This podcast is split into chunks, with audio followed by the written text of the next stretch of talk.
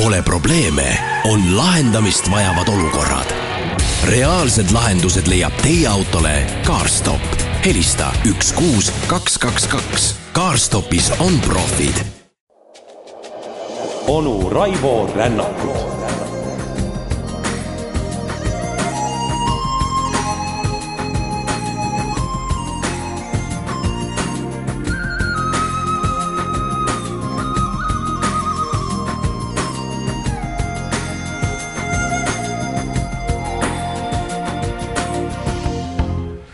tere hommikust, head sõbrad!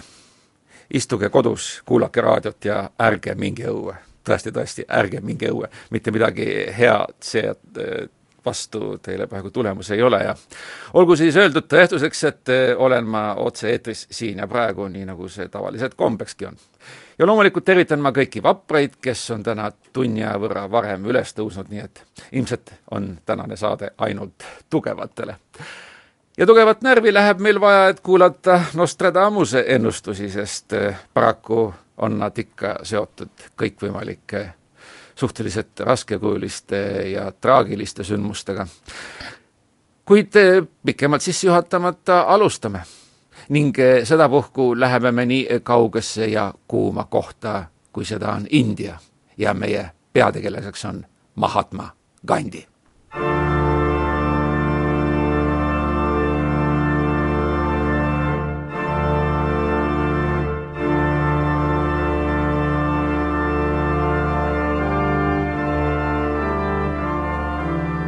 niisiis kümnenda tsentuuria kolmekümnes Katrään, mis otse loomulikult viib meid aastasse tuhat üheksasada kolmkümmend.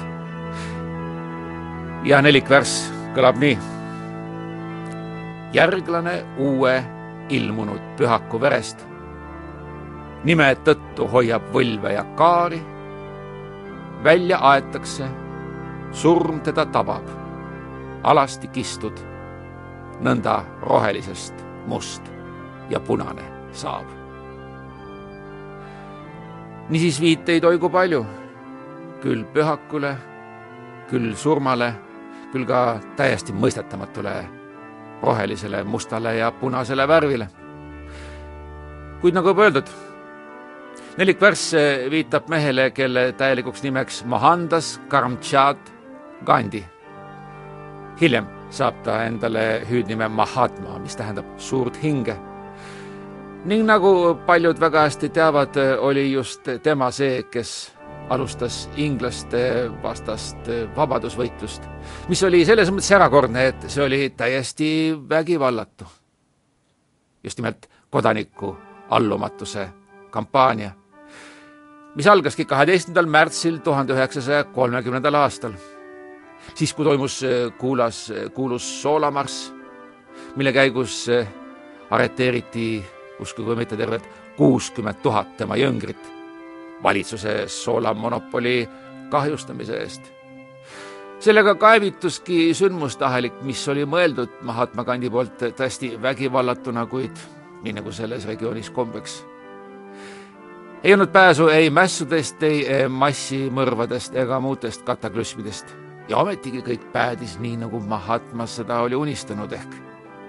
tõesti, tõesti, peale teist ilmasõda, kui koloniaalimpeeriumid hakkasid lagunema, nii juhtus ka Suurbritannia kroonijuveeli ehk Indiaga, sest just sellel viieteistkümnendal augustil tuhande üheksasaja neljakümne seitsmendal aastal see maa Ühendkuningriigilt oma sõltumatuse ka saavutas.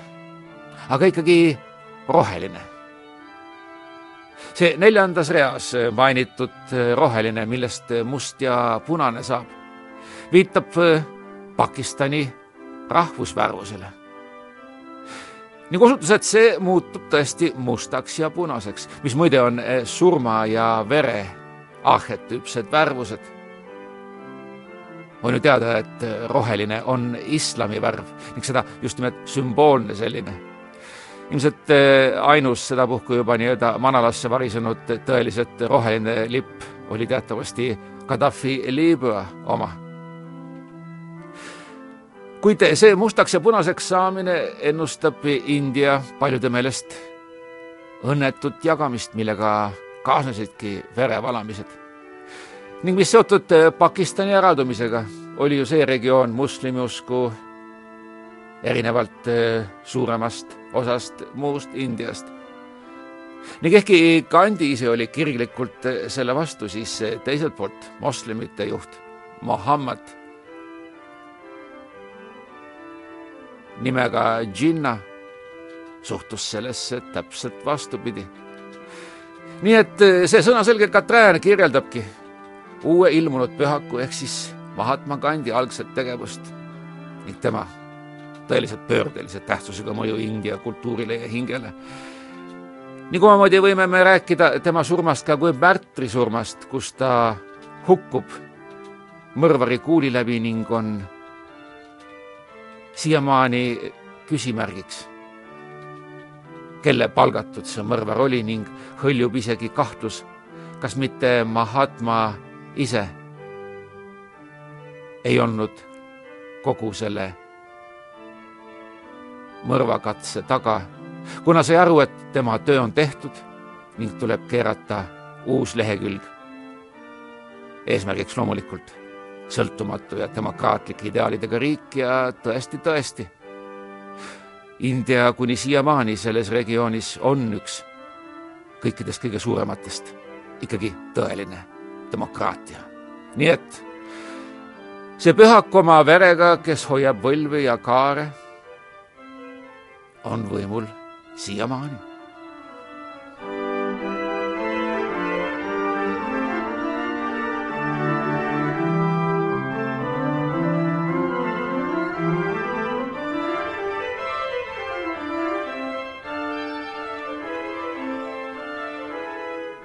ning jätkame pühakutega ning tulgem õhtumaale ning minge majas edasi üksteist aastat sellesse juhatab meid neljakümne esimene Katrään, mis tähitab aastat tuhat üheksasada nelikümmend üks ning see nelikvärss on tõeliselt mõistatuslik, kuid äh, kuulake ise.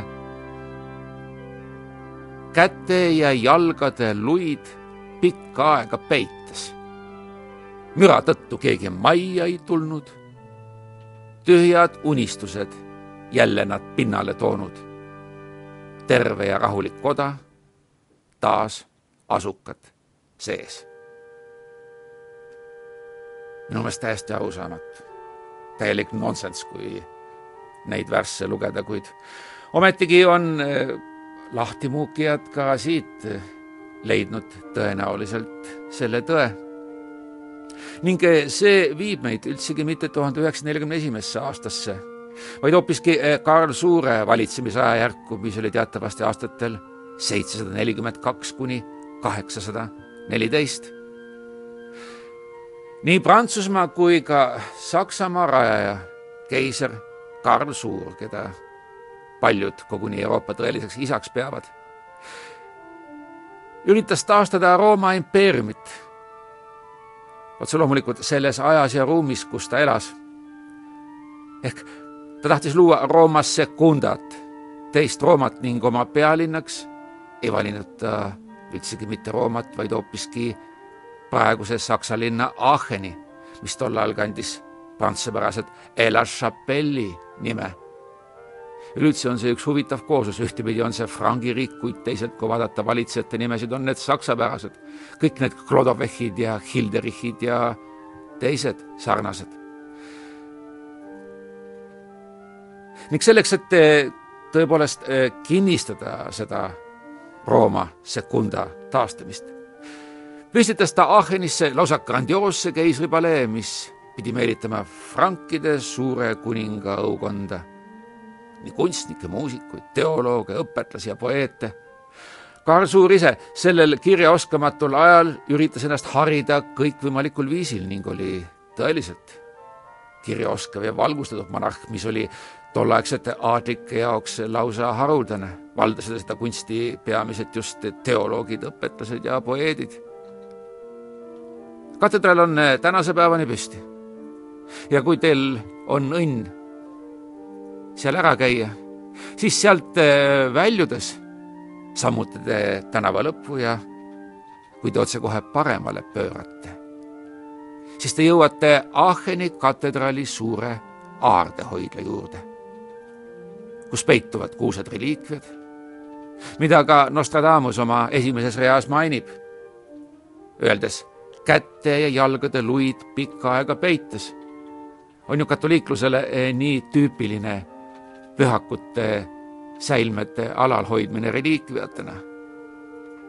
ja üht säärast reliikviat ehk siis pühakumaiste säilet hoitakse tõstetud käekujulises nõndanimetatud käsivarre relikviaaris ning see on seesama käsi, mis hoidis kunagi käes Karl Suure kuulsat mõõka nimega Joyeuse, mis tähendab tõlkes rõõmus.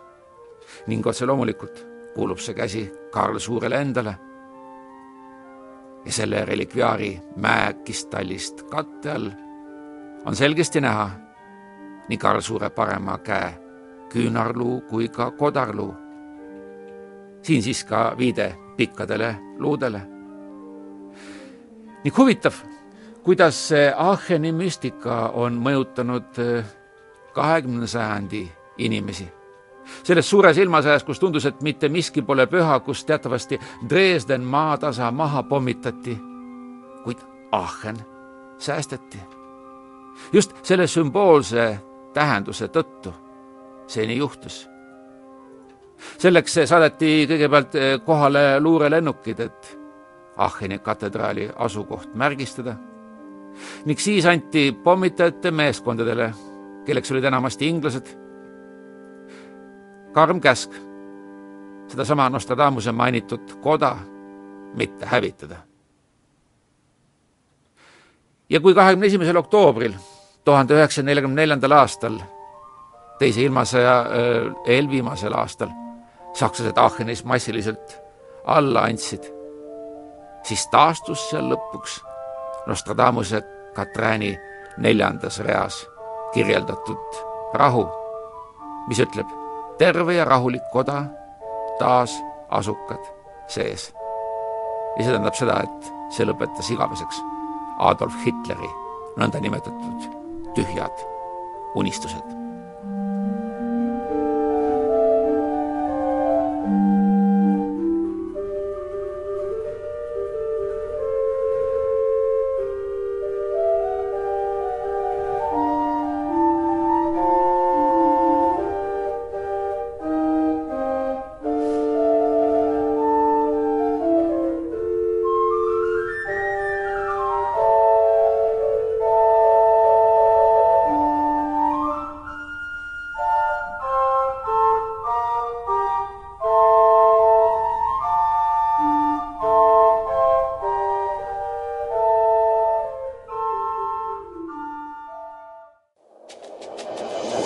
Raivo Rännakut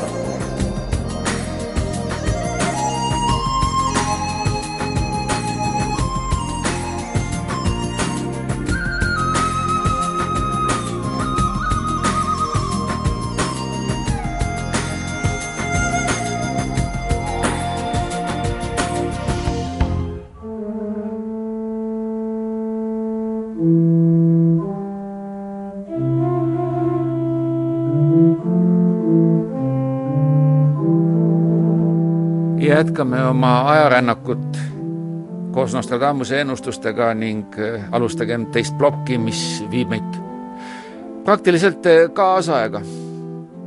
ning taaskord võib äh, vaid avaldada imetlust ja imestust, kui kaugele Nostradamus selgeltnägijana sündmusi ennustada oskas. ehk me võtame ette viiekümne üheksanda Katrääni, mis tähistab aastat, uskuge või mitte, numbriga kaks tuhat kaks. read ise kõlavad nii. pagendatud saartele saadetakse uus juht. seal see veelgi julmemalt rõhub. toimub mõrvu. kaks aja jooksul neist kahtlaseks muutub. kuni lõpuks keegi enam ei vaiki. niisiis saar, kuhu pagendatakse. ilmselt meetodite kogum, mille tulemusena keegi enam vaikida ei suuda, mis otsesõnu viitab piinamistele ja tõesti, tõesti nii see on, sest see viib meid praegusel hetkel kurikuulsale Guantanamo saarele, mis teatavasti kuulub Kuuba arhipelaagi ning kus siiamaani on USA sõjaväebaas. Ehk pärast Talibani alistamist Afganistanis kahe tuhande teisel aastal, nagu me kõik väga hästi teame, saadeti üle viiesaja vangi Afganistanis oleva USA sõjaväebaasi Camp X-Ray'st Camp Delta Guantanamo lahes asuvale saarele mainitud vangistatud. Pärast USA ja Iraagi sõda kahe tuhande kolmandal aastal veeti sinna veelgi rohkem kinnipeetavaid. Saddam Husseini rajatud Baathi partei määratluse kohaselt peeti vastasleeris ehk Iraagis Bushi veelgi julmemaks juhiks, kui seda oli Saddam Hussein ning põhjuseks toodi just nimelt see Guantanamo baas, kus kõik on saladuskattega varjutatud ning kus täpsemalt ei teatagi, milliseid meetodeid vangide käest informatsiooni saamiseks kasutati. Nende interneeritute kohtlemine põhjustaski avalikkuses suurt nurinat, eelkõige just valges ehk siis läänemaailmas. nii objektiivsed, nii humaansed, nagu me olla tahame. võib-olla unustades ära, et tihtipeale tuleb tõesti peltsepuli peltsepuliga välja ajada, mida ameeriklased ilmselt ongi üritanud teha. ning ehkki Bushi režiim püüdis hiljem esitada juriidiliselt tõepäraseid väiteid õigustamaks Guantanamos toimunud uuringuid ning paljude nappide kommentaaride järgi nimetati seda väga kummalise nimega, nimelt see oli väliskosmose juriidiline ekvivalent, no tõeliselt kaelamurdev termin, kas pole? ehk maakeeli öeldes otse loomulikult kasutati vägivaldseid ülekuulamisvõtteid, mis seal ehk ei kellegi maal, mis ei olnud USA ega ühegi teise riigi territoorium justkui lubas. ja on mõistlik oletada, et nõnda mõjutatud vangid sageli hakkasid rääkima, ehk nii nagu Katrin oma neljanda reaga kuulutab, kuni lõpuks keegi enam ei vaiki. ja läänemaailmas üksmeelselt korduvatest protestidest ja kõikvõimalikest meediaränn-, meediarünnakutest hoolimata eksisteeris Guantanamo laager siis ja eksisteerib ka praegu. ning kui öelda midagi kas või nende meetodite kaitseks, siis pangem tähele, pärast Afganistani ja Iraagi invasiooni ikkagi on tõeliselt suured terroriaktid läänemaailmas peatunud. see oleks võib-olla mõtlemiskoht seoses mainitud ennustusega.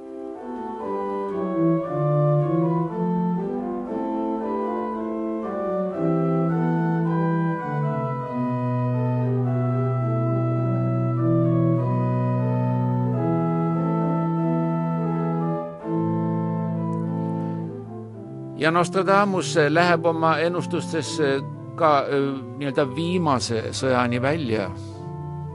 kui rääkida, et viimaseks suureks sõjaks on tõesti USA ja Iraagi sõda.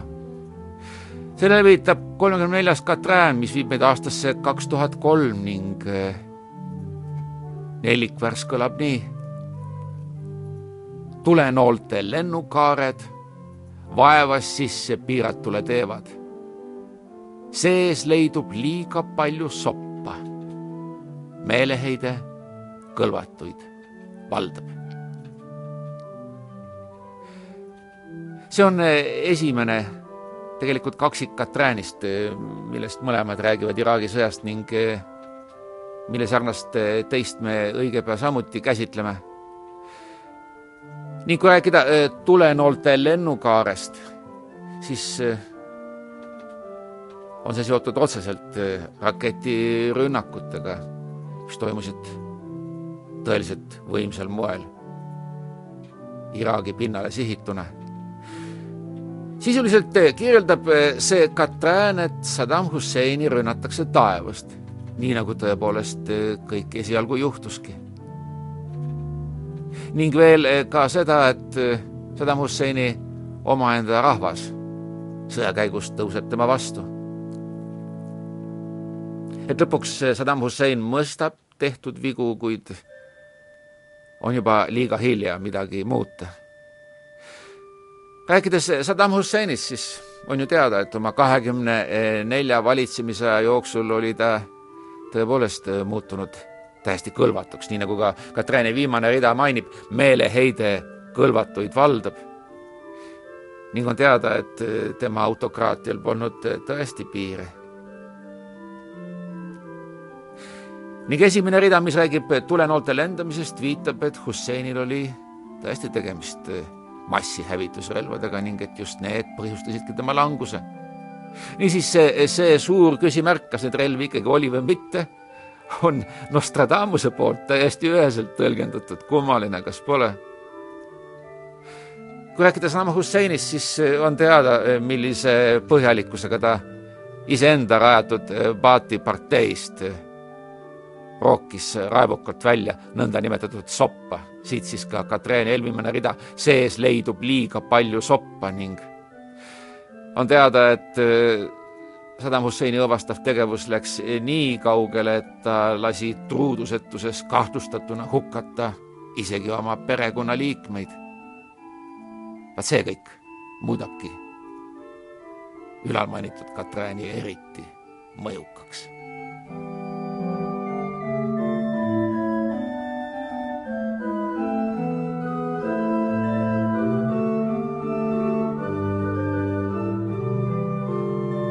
ning veel üks Nostradamuse Katrin käsitleb sedasama USA-Iraagi sõda. taevas põleb neljakümne viiendal laiuskraadil. tuli uuele suurlinnale läheneb. äkki vägev leegisammas lahvatab, kui Põhjalast kinnitust küsitakse no vaat erinevalt äh, paljudest teistest väga mõistukõnelistest nelikvärssidest on see äärmiselt konkreetne, kas pole, kus mainitakse kogunisti laiuskraadi. ja see neljakümne viies laiuskraad läbib, äh, uskuge või mitte, tõepoolest Bagdadi, mis võis kahe tuhande kolmandal aastal tõesti kanda nii-öelda suurlinna staatust, sest oma suurushullustuses äh, käivitas Saddam Hussein lausa tohutu mahuga kõikvõimalikke ehitustöid. on meilgi ju meeles kõik need suured väljakud ja ausambad, mis tema auks püstitati ja mis siis demonstratiivselt maha tõmmati. nüüdseks on teada, et Nostradamus peab laiuskraadi mainides silmas pigem põhja kui lõuna laiust. sest neljandas reas mainibki ta Põhjalat. ja nagu põhjapoolsete maade puhul enamasti öelda, muide, prantslased on niisugusest sõnade mängust alati lugu pidanud ja peavad ka praegu. on tõsi, et äh, sisuliselt äh, need äh, sissetungijad on Põhjalast ehk siis nii-öelda euroopalik, ameerikalikust maailmaruumist. ja on tõsi, et nagu me juba rääkisime, diktaatori sündroomi põdenud Saddam Hussein uskus vaata et lõpuni seda, et eh, ei USA ega ka tema liitlased, inglased, austraallased Bagdadi ei ründa. olid nad ju mõne aja eest olnud eh, Iraagi toetajateks eh, sõjas Iraani vastu, kuid ilmselt just selles suurushullustuses kaotas Hussein reaalsustaju ning tulem oli käes. ehk kui tõmmata paralleele, siis täpselt samamoodi arvas kunagi ka Hitler, et Suurbritannia ei kuuluta Saksamaale sõda ning et äh, ka pakt, mis sõlmiti Hitleri ja Stalini vahel mitte kallaletungi lepingu osas, kuni lõpuni paika peab, mis, nagu me teame, samuti ei teostunud. nii juhtuski, et kahekümnendal märtsil seesamal kahe tuhande kolmandal aastal rakendaski USA taktikat, kus nagu Katräänis eh, eelviimases reas mainitakse, äkki vägev leegisammas lahvatab. mis märkiski just seda tohutut tulejõudu, mida Iraagi suhtes rakendati. ning USA president Bush kuulutas selle kampaania esimesel mail kahe tuhande kolmandal aastal ametlikult äh, lõppenuks, ehkki me teame, et äh, tegi ta seda mõnevõrra ennatlikult, sest et äh, vägivald jätkus ning piiratud ulatuses teeb see seda siiamaani. kuid ometigi on need protsessid ikkagi sillutamas teed. eks näis siis, kas lõplikule demokraatiale või mitte. igatahes kasutab Nostradamus korduvalt sõnu põleb tuli ja leek. ja kui vaadata kas või eh, filmikroonikaid, siis kõik need epiteedid tõepoolest paika ka peavad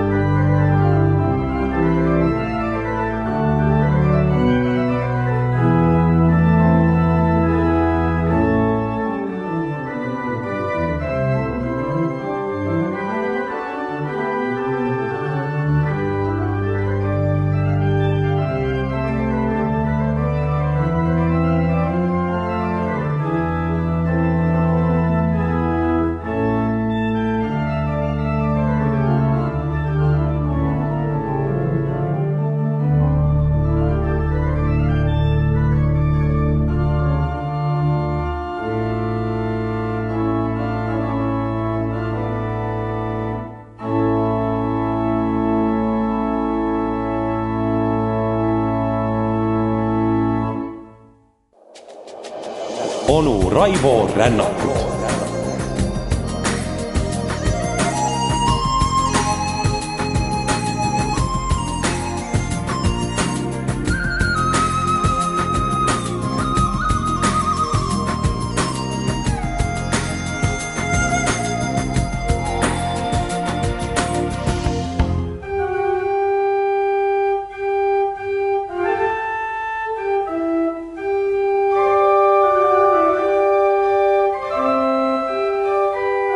ja head sõbrad, selles eh, viimases meie rännakute osas teeme jällegi hüppe tagasi. aastasse tuhat viissada seitsekümmend viis ja Katrääniks ongi seitsmekümne viiendat numbrit kandev selline ja käsitleme suurt katkuepideemiat, millest ka meie armas Maarjamaa säästetud ei olnud. ning sedapuhku läheme me aastasse tuhat viissada seitsekümmend viis, kui Veneetsiat laastas Muhu katk. ja nelikvärss ise kõlab järgmiselt.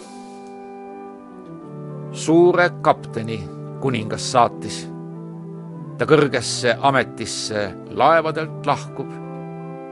seitse aastat hiljem salaja naaseb. barbari jõud Veneetsiat laastab. Vaat tollased sündmused eh, seostuvad eh, nii hästi Nostradamuse aastaindeksiga, niivõrd hästi, et eh, ei olegi midagi lisada. on teada, et inimesed alles avastasid nende epideemiate põhjuseid ja lätteid, kuid juba üritati luua midagi karantiinilaadset. Veneetsia see eesrindlik vabariik, mida valitses Doge, kes teatavasti valiti, oli just säärane eesrindlik riik ning tõepoolest üritati teha kõik, mis võimalik, arvestades kas või tema merelist asukohta, tõkestamaks taudi levikut. nii andis Doge ehk siis seesama suur kapten, keda esimeses reas mainitakse, käsu isoleerida kõik laevad saarte juures. aga paraku tegid vastutööd eh, salakaubavedajad, kes otse loomulikult oma professionaalse osavusega oskasid eh, vältida linnakaitseid ja nõnda juhtuski, et eh, selle kasuahne tegevuse tõttu hiilisid nad kaitseliinidest läbi ja otse loomulikult tõid ka katkuepideemia linna. ning selle tulemusena suri linnast tervelt kolmkümmend kolm protsenti elanikkonnast ehk ligi viiskümmend tuhat inimest. tuleb öelda, et need äh, katkuepideemiad olid tõesti kohutavad ning äh, muutsid lausa poliitilist kaarti, kui teha kas või väike kõrvalehüpe, siis rääkides Itaalia linnriikidest, äh, siis just nimelt katku tõttu muide toimus omal ajal ka Firenze esilekerkimine Piisa kõrval. Piisa, mis oli tegemas võidukäiku, langes niivõrd ränka katku haardesse, et sinna jäi väidetavalt alles kõigest mõnisada inimest ning otse loomulikult on sellega ka ühe linnriigi võimsus läinud. vaat millised järelmid võivad olla ühel haigusel. ning otse loomulikult, nii nagu ka mujal Euroopas, nii liikusid ka katkust räsitud Veneetsia tänavatel kummalises rüüs katkuarstid. rääkisime sellest, et sarnast rüüd kandis omal ajal ka Nostradamus kus oli seljas nahkne mantel ja kapuuts ning ees kaitseprillid.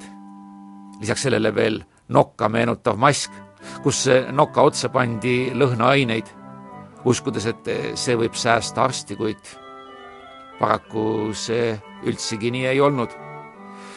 kuid tõesti, tõesti, katkuarstid seal liikusid ning nende kannul mehed, keda kutsuti pitsikamontideks ning kes maakeeli olid hauakaevajad kes peale tõrvatud riidest kehakatet pidid kandma ka pahklu külge kinnitatud kellukest. täpselt nii, nagu seda tegid omal ajal ka pidalitõbised, justkui hoiatades oma lähenemise eest. siit ka siis Katrääni viimane rida, barbari jõud Veneetsiat laastab. ning justkui meenutamaks neid õõvastavaid sündmusi, rajati kõigest kaks aastat peale epideemiat, tuhande viiesaja seitsmekümne seitsmendal aastal Gidecha saarele frantsiskaanlaste poolt Redentore kirik ning Dodge ehk seesama esimeses reas mainitud suur kapten ja kõik tema senaatorid osalesid kiriku sisseõnnistamisel.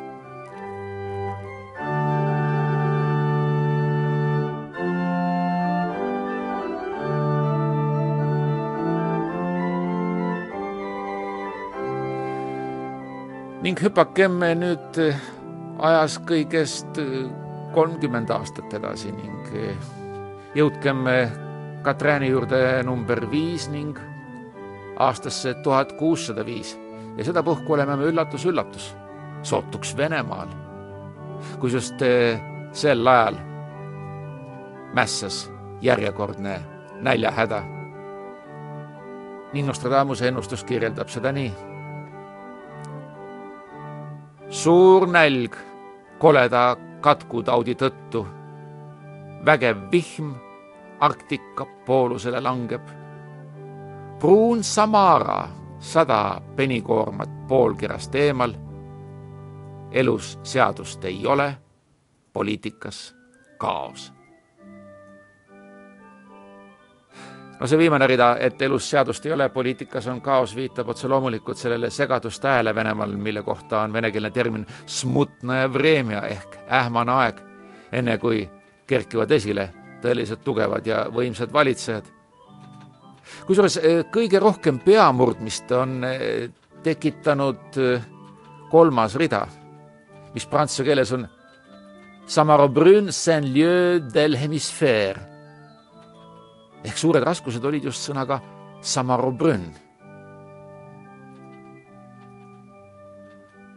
paljud eh, tõlkijad on selle kallal pead murdnud ning eh, jõudnud arvamusele, et tegemist on Samara nimelise linnaga, mis oli rajatud tuhande viiesaja kaheksakümne kuuendal aastal justkui Volga regiooni kaitseliini eelpost ka oli see olulise teraviljakaubanduse keskus ning vot eh, siin ilmselt ka see segadusse ajav sõnaühend Samaro, millele on lisatud veel ka brünn.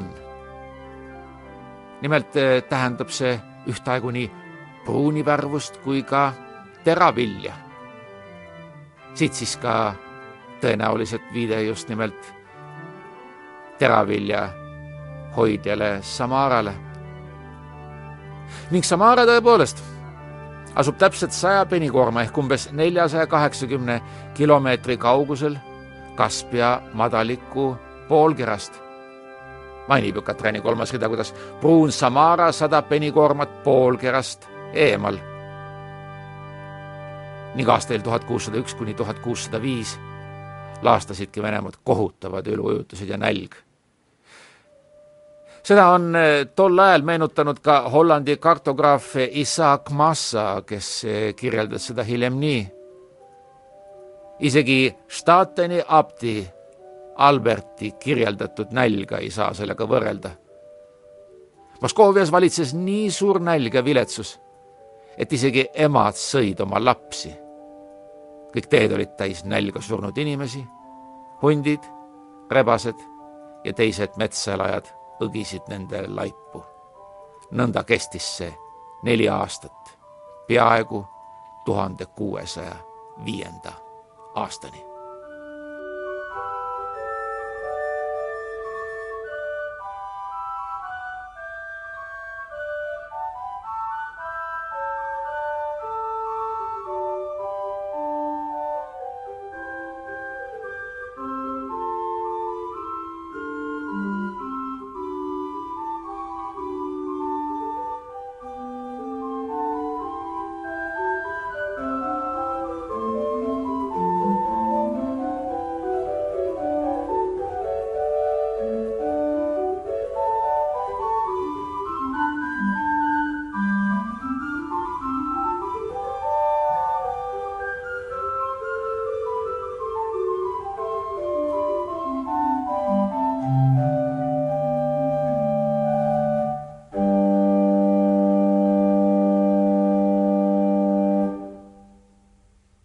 Ning jääme meie praeguse rännakuploki lõpetuseks enam-vähem samasse aega.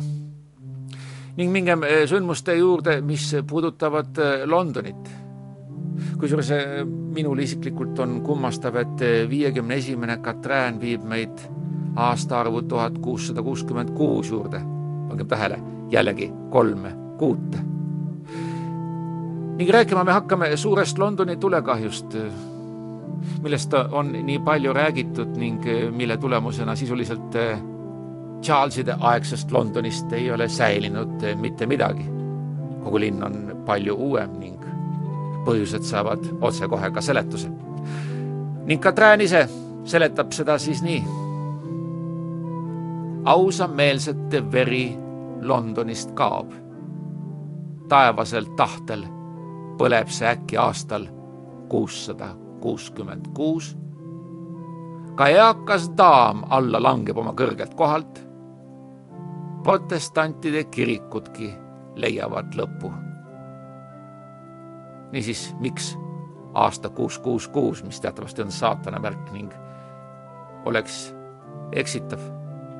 samamoodi nagu tekitab küsimärke eaka daami mainimine, kes oma kõrgelt kohalt kukub, kuid siin ongi just eh, Nostradamuse sümboolika tüüpiline näide. ning uurijad arvavad, et see on üks mõjukamaid Nostradamuse katrääne, mis kirjeldabki, nagu öeldud, Londoni tulekahju.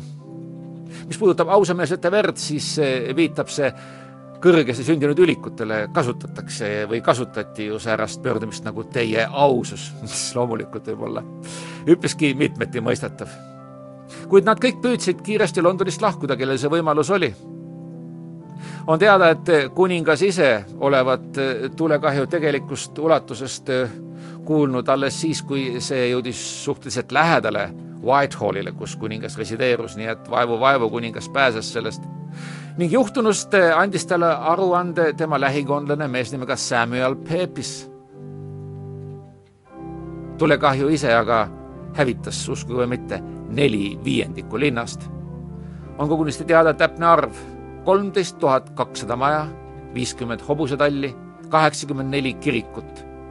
kokku neljasaja kolmekümne kuue aakri suurune maa-ala. ning Nostradamus dateerib juhtunut täpsete arvutustega kakskümmend korda kolm pluss kuus ehk kuus kuus. originaalse prantsuskeelse teksti rea lõpp ütlebki kakskümmend kolm ja kuus. ning vot siit äh, tuletabki äh, Nostradamus äh, oma seletusega põlenud taevasest tules pluss kolm kuut ning saab kätte need kolm kuut ehk saatana arvu. ning mis puudutab seda müstilist eakat daami, siis ei ole tegemist üldsegi mitte inimesega, vaid hoopiski St Paul Cathedrali ehk siis Püha Pauluse katedraaliga mis hävis ning mille asemel tunduvalt hiljem Christoph, Christopher Wren rajab meile praegu tuntud kuppelehituse. lisaks sellele hävis kaheksakümmend kuus kirikut, mida linnas üleüldse oli sada üheksa. ning mis puudutab prantsusekeelset viimast rida, The Mesm Sect, plusieurs seront oxy, siis nende sektide all mõeldaksegi just nimelt eesti keelde tõlgituna protestantlikke kirikuid, mida ju katoliiklaste poolt vaadatuna käsitletigi sektidena.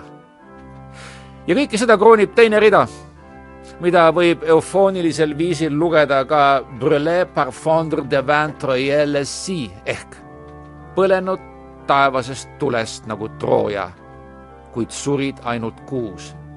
ja nüüd kõige üllatavam moment. tulekahjus hukkus, kas uskuda seda või mitte, ainult kuus inimest.